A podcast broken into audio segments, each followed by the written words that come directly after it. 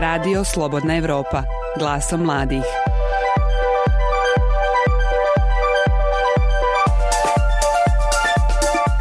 Putnik koji donosi virus u svoju zemlju, početna nespretnost ljekara pri otkrivanju bolesti i pokušaj vlasti da sakriju informacije.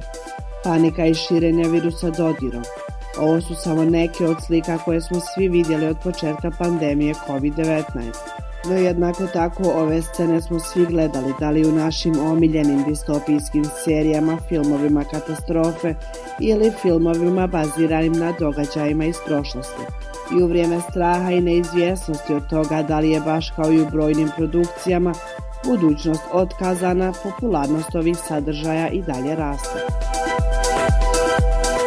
Da li nas filmovi katastrofa mogu naučiti nečemu o stvarnosti u kojoj danas živimo? Da li postoji zajednička veza ta dva svijeta i zbog čega ih i dalje gledamo? Ja sam Una Čilić, a vi slušate podcast Glaso mladih. A u narednih pola sata odgovore na ova pitanja daće nam stručnjaci iz oblasti filma, kao i ljubitelji distopijskog sadržaja. Ostanite sa nama. Slušate Glaso mladih. Od Netflixovog dokumentarnog serijala Explained i epizode Sljedeća pandemija emitovane u novembru 2019. godine u kojoj se gotovo proročanski navodi ako niste zabrinuti zbog nadolazeće globalne pandemije, vjerovatno biste trebali biti.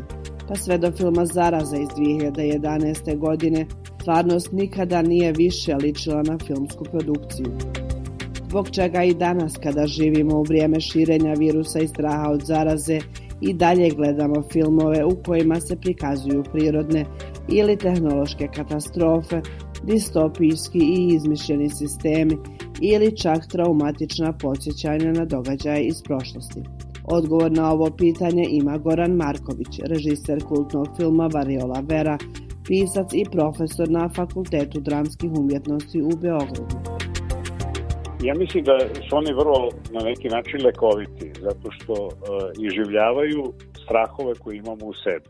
Znači, mi svi imamo određene uh, strahove i onda kada uh, pogledamo najobičniji horor, ne mora to da bude uh, zaslona, na, možda bude i fikcija ili, ili distopija neka, jednostavno izživljavajući taj strah sa platna, izživljavamo svoje privatne strahove.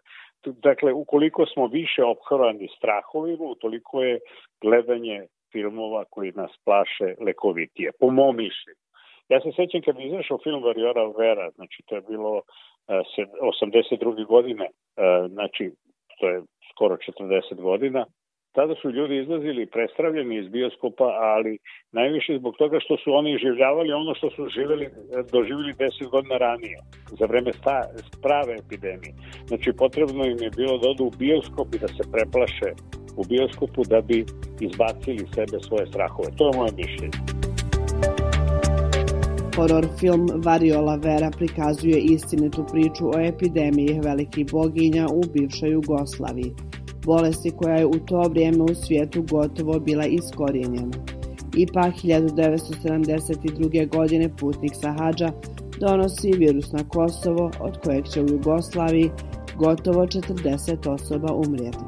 48 godina kasnije u kineskom gradu Wuhanu pojavit će se koronavirus koji će izazvati prvu pandemiju modernog doba i smjestiti čovečanstvo u ono što gotovo liči na filmski scenarij vrlo su slične stvari. E, izgleda je to nekako e, zakonitost e, tih katastrofa da, da zatiče ljude nespremne i da se u tim okolnostima političari i sistemi politički jako osjećaju ugroženim i da, da pokušavaju na raznorazne načine između ostalog sakrivanjem podataka i, ili lažima da sebi olakšaju situaciju. Uglavnom, ono što sam tada osetio, a i sad osjećam, to je da su političari ti koji se osjećaju pre svega ugroženim i to im je prva, da kažem, reakcija, a kasnije šta moramo da uradimo i šta, šta je potrebno da bismo se spasili.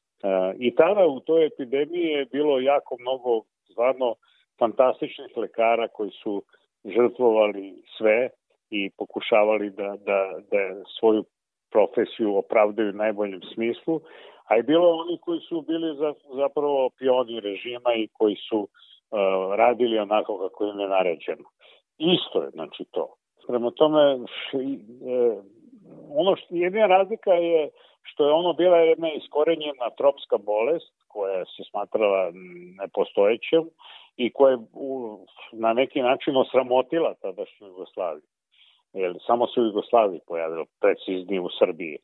Ovaj, I e, bila, je to, bila je to velika rupa u toj, u toj građevini koja se zvala Jugoslavija i mislim da je po mom, to je stvarno moje privatno mišljenje koje ne znam da li je utemeljeno, mislim da je ta e, epidemija zapravo najavila početak raspada Jugoslavije. Slušate podcast Glasom mladih. Scene stvarnosti i scene produkcije isprepliću se dok nas sa druge strane filmovi i serije podsjećaju i na to da postoji svjetlo na kraju tunela. No ipak dozvola za kretanje van policijskog sata, aplikacije na mobilnim telefonima koje prate zaražene, zabrana izlaska i kretanje u grupama, zvuči više kao realnost izmišljene totalitarne zemlje iz knjige, a kasnije iz serije Handmaid's Tale, spisateljice Margaret Atwood, a ne realnost evropskih zemalja u 2020. godini. Filmovi distopije i katastrofe dobar su i koristan materijal za pričanje o našoj svakodnevnici, smatra filmski kritičar i doktor filmologije Sanjin Pejković. Da, gledali smo neke od ovih serija zadnjih godina koji nam prikazuju stvarnost u kojoj su stvari krenule naopako. Pa te nam produkcije mogu poručivati naravno različite stvari zavisno od toga e, kada dolaze, te isto tako u kojem ih opet se vraćam tome ideološkom ključu čitamo. Znači Handmaid's Tale e, kao kao roman mo, je, je, je naravno uvijek aktuelan međutim e, kao serija koja je došla veo, do, dosta blizu izboru Donalda Trumpa za predsjednika. Naravno da dobija na jednom ekstra ekstra meta nivou, da ne učitavamo samo karaktere koji postoje u knjizi i koji su filmatizirani, već ih naravno čitamo i kroz događaje u Americi. Tako da ovaj tu je malo zavisno zavisno i od produkcije, zavisno i od filmova, te zavisno kad su došli, da li oni imaju neku drugu težinu osim same one svoje estetske, stilske ili tematske. Filmovi katastrofe ili različiti horror filmovi, distopije su veoma ovaj dobar i koristan materijal za pričanje o našoj svakodnevnici. Distopija govori o nekim budućim scenarijama gdje je već kasno da se išta poduzme, međutim postoji taj ključ učitavanja toga kako bi se naš kako bi se ljudi iz našeg vremenskog doba ponašali da ih zadesi jedna takva ogromna katastrofa. Tako na isti način kao što historijski filmovi nisu samo filmovi o prošlosti, već o našem gledanju prošlosti, tako ni distopijski filmovi nisu samo filmovi o nekoj dalekoj budućnosti ili bližoj budućnosti, već i ovoj sadašnjici kroz koju gledamo stvari.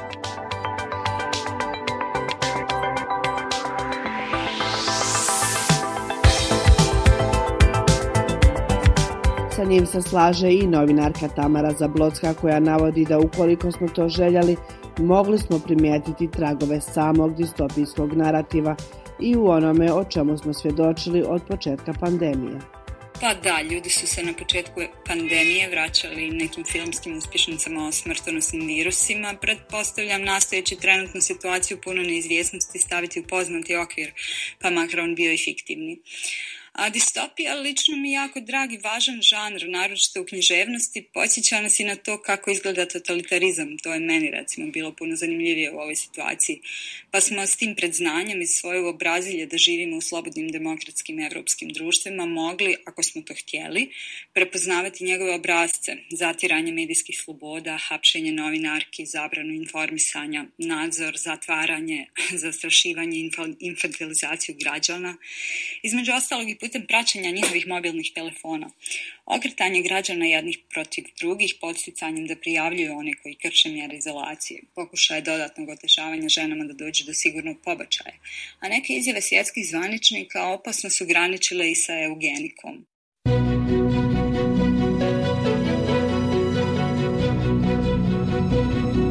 Slušate podcast Glaso mladih. Prethodne epizode pronađite na slobodnaevropa.org ili na Google i Apple podcast aplikacijama.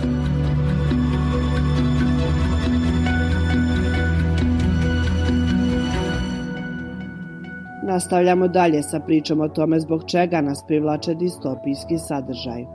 Mišljenje o ovome ima i Bernard Harbas, zamjenik urednika časopisa za filozofiju EIDOS, koji se ujedno bavi poststrukturalističkom, političkom i kulturalnom teorijom.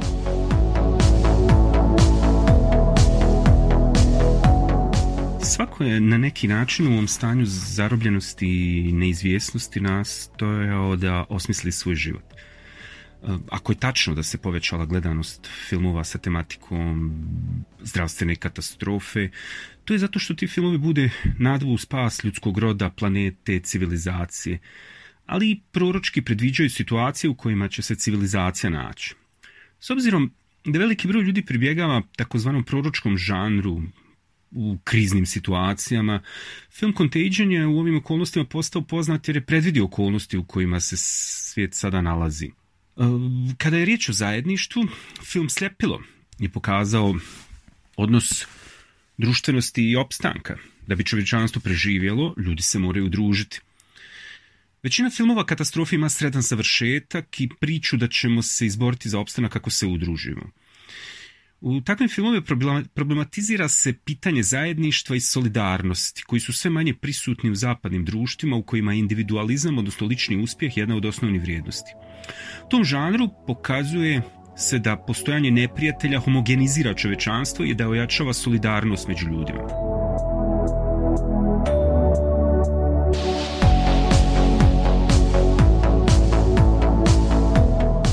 Samoj distopijskoj produkciji život je obično sveden na ono osnovno, izbori su jednostavni i jednostrani, a sistem je napravljen totalitarnim. Evo kako to pojašnjava Bernard.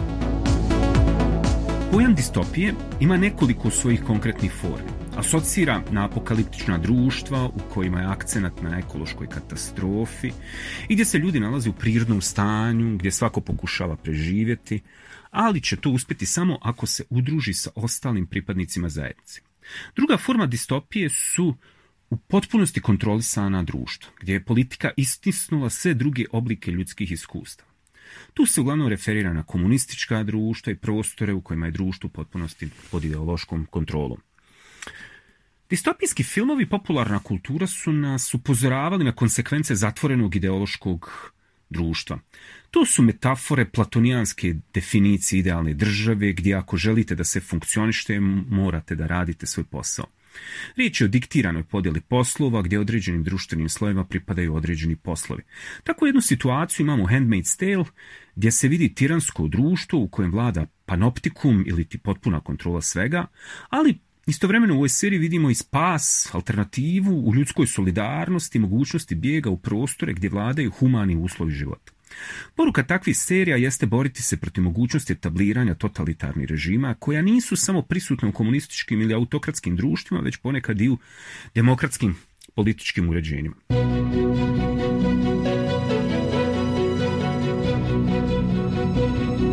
Slušate podcast Glaso mladih. Prethodne epizode pronađite na slobodnaevropa.org ili na Google i Apple podcast aplikacijama.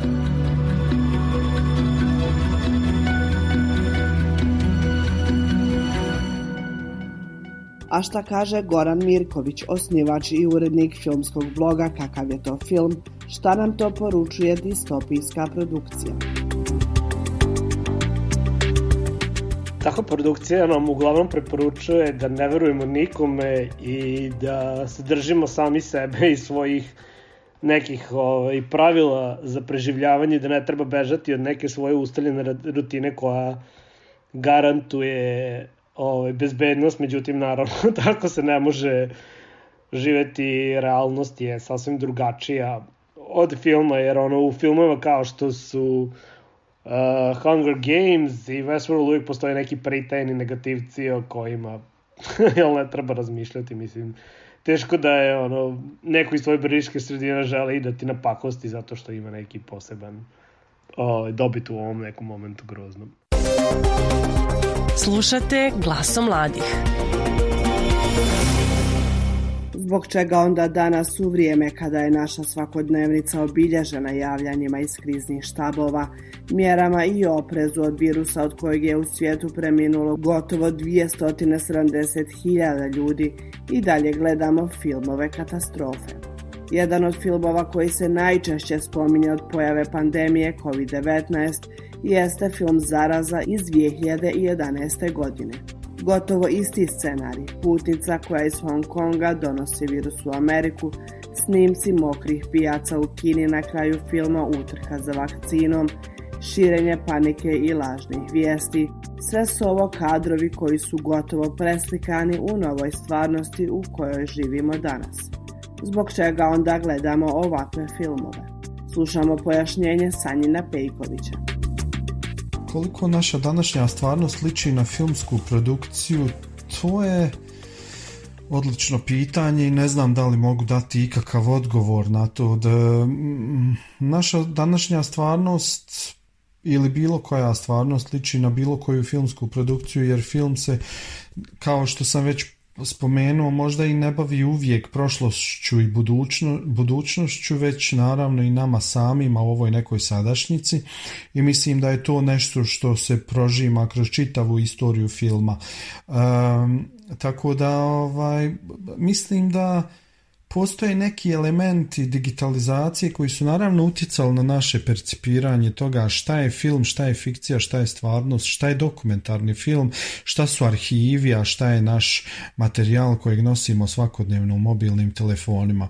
E, vidimo da je recimo naravno da tu postoji velika razlika između današnjice 2020. i hajmo reći uvjetno rečeno 1900 32. godine e, i to, je naravno, to se naravno odlikuje razlikom u, u tehnologiji. Imamo ovaj nekoliko e, nekoliko velikih događaja u istoriji filma koji su naravno obilježili ovaj i naše živote imamo do 27. nijemi film, nakon toga dobijamo film sa zvukom, onda dobijamo uh, film u boji, uh, nakon toga hajmo reći 50. i 60. godina se pojavljuju lakše kamere što čini da i režiseri i dokumentarni i režiseri igrani fikcijskih filmova izlaze na ulice, e, koriste amatere u puno većem broju nego prije, e, tako da se dobija jedan drugačiji socijalno realistički tač na tim filmovima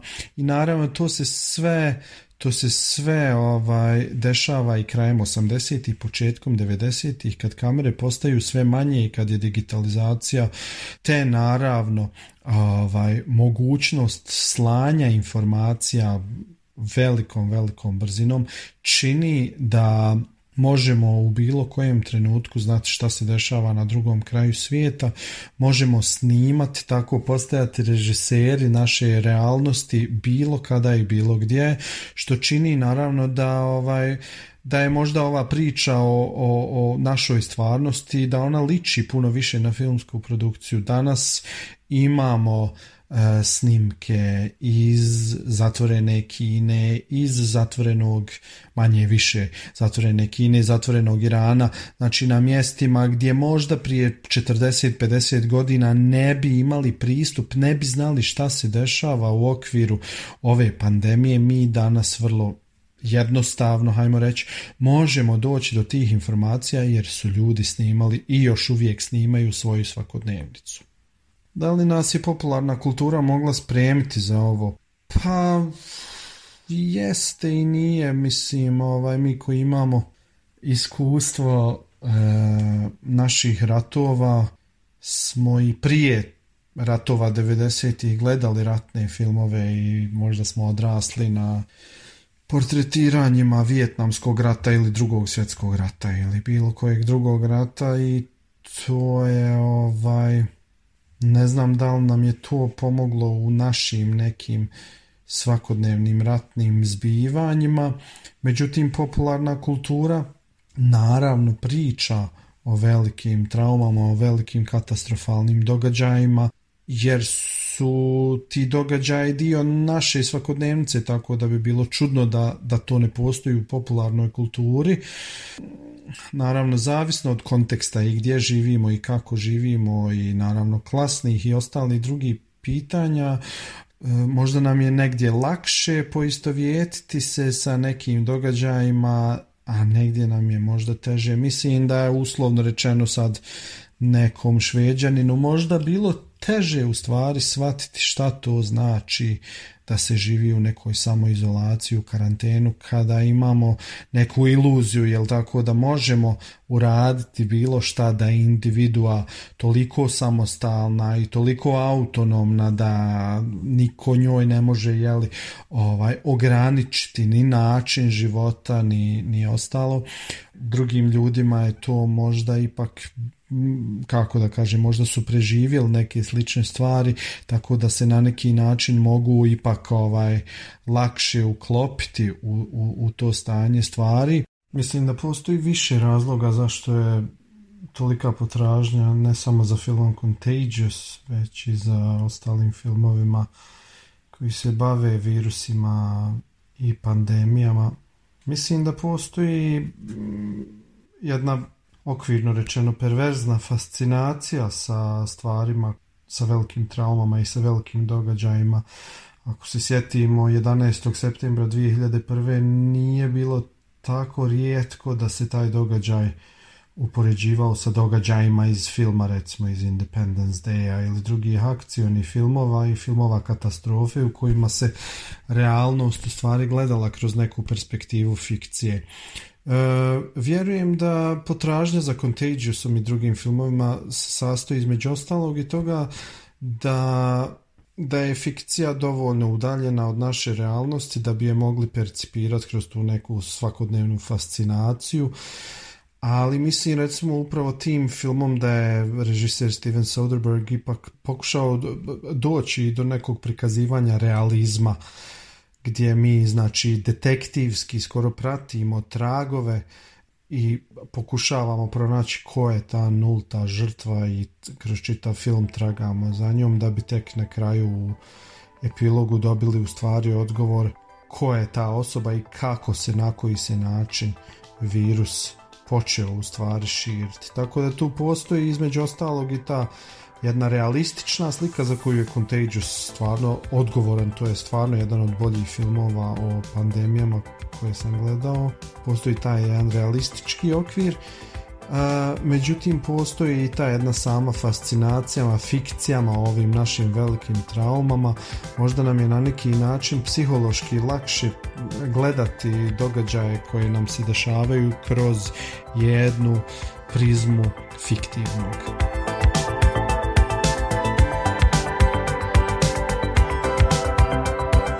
A evo šta o filmu kaže Goran Mirković. Pa, ako pogledamo sam sinopsis filma, to je stopis, vidjet ćemo da Contagion faktički u neku, u neku ruku je teaser za pandemiju koja nas je danas za, zadesila. Sećam se, mislim, taj film je izašao, ako se dobro sećam, 2011. godine i baš sećam sam bio u bioskopu, pošto generalno volim filmove Stevena Soderberga i nekako odnos prema filmu mi je bio kao zanimljiv mi je mislim pogotovo što ne volim Gwyneth Paltrow i onda kad ona jel, nestane u filmu mi je bilo posebno drago ali sam tako nekako bio e, u poziciji, pa ovo nije, ovo ne, ne može da se desi, ovo deluje kao neka kuga, mislim, daleko je od onoga što se očekuje, ali međutim, mislim, jeste da je u Contagionu 25 do 30% ljudi zbog virusa ovaj, nestalo sa lica zemlje, ali opet neki narativ je dosta sličan i mislim da je to u ljudima probudilo neki vid paranoje, pogotovo onima koji generalno su skloni da upadaju u, u takav tip razmišljanja. Slušate podcast Glasom mladih. Prethodne epizode pronađite na slobodnaevropa.org ili na Google i Apple podcast aplikacijama. Možda slične filmove gledamo, kako kaže režiser Goran Marković, da bi nam pružili neku vrstu olakšanja. No da li možemo nešto naučiti iz njih i da li je postojalo nešto što je publika mogla naučiti iz njegovog filma Variola Vera? Ja ne znam, uh, oni koji se bave time su verovatno nešto naučili iz toga. Mada je, ja sam pokušao da snimim film o tome i trebalo bi 10 godina da dođem do, do istine o tome šta se desilo. Nema mnogo podataka o te epidemiji. Izašla jedna brošurica E, koja ne govori mnogo o, suštini stvari i e, mislim da, da, da, da je to šteta zato što je na osnovu iskustva e, sa tom epidemijom moglo da se što šta e, utvrdi. Ono što je sigurno, a to je da pored tog medicinskog aspekta e, postoji i onaj što se, drugi vrlo važan aspekt, to je moralni. A to je da E, ljudi moraju da osjećaju odgovornost, moraju da osjećaju empatiju i solidarnost da bi se iz toga spasi. Bez toga nema spasa. Tako da, e, ukoliko se ne pridržavate što lekarske etike, što odnosa prema bližnjima i prema svojim susedima ili bliskima, bez toga nema, nema spasa. To je sigurno i to je, to je moglo da ostane to nije moralo da se zapiše u brošurama. Ali nisam siguran da je mnogo toga ostalo.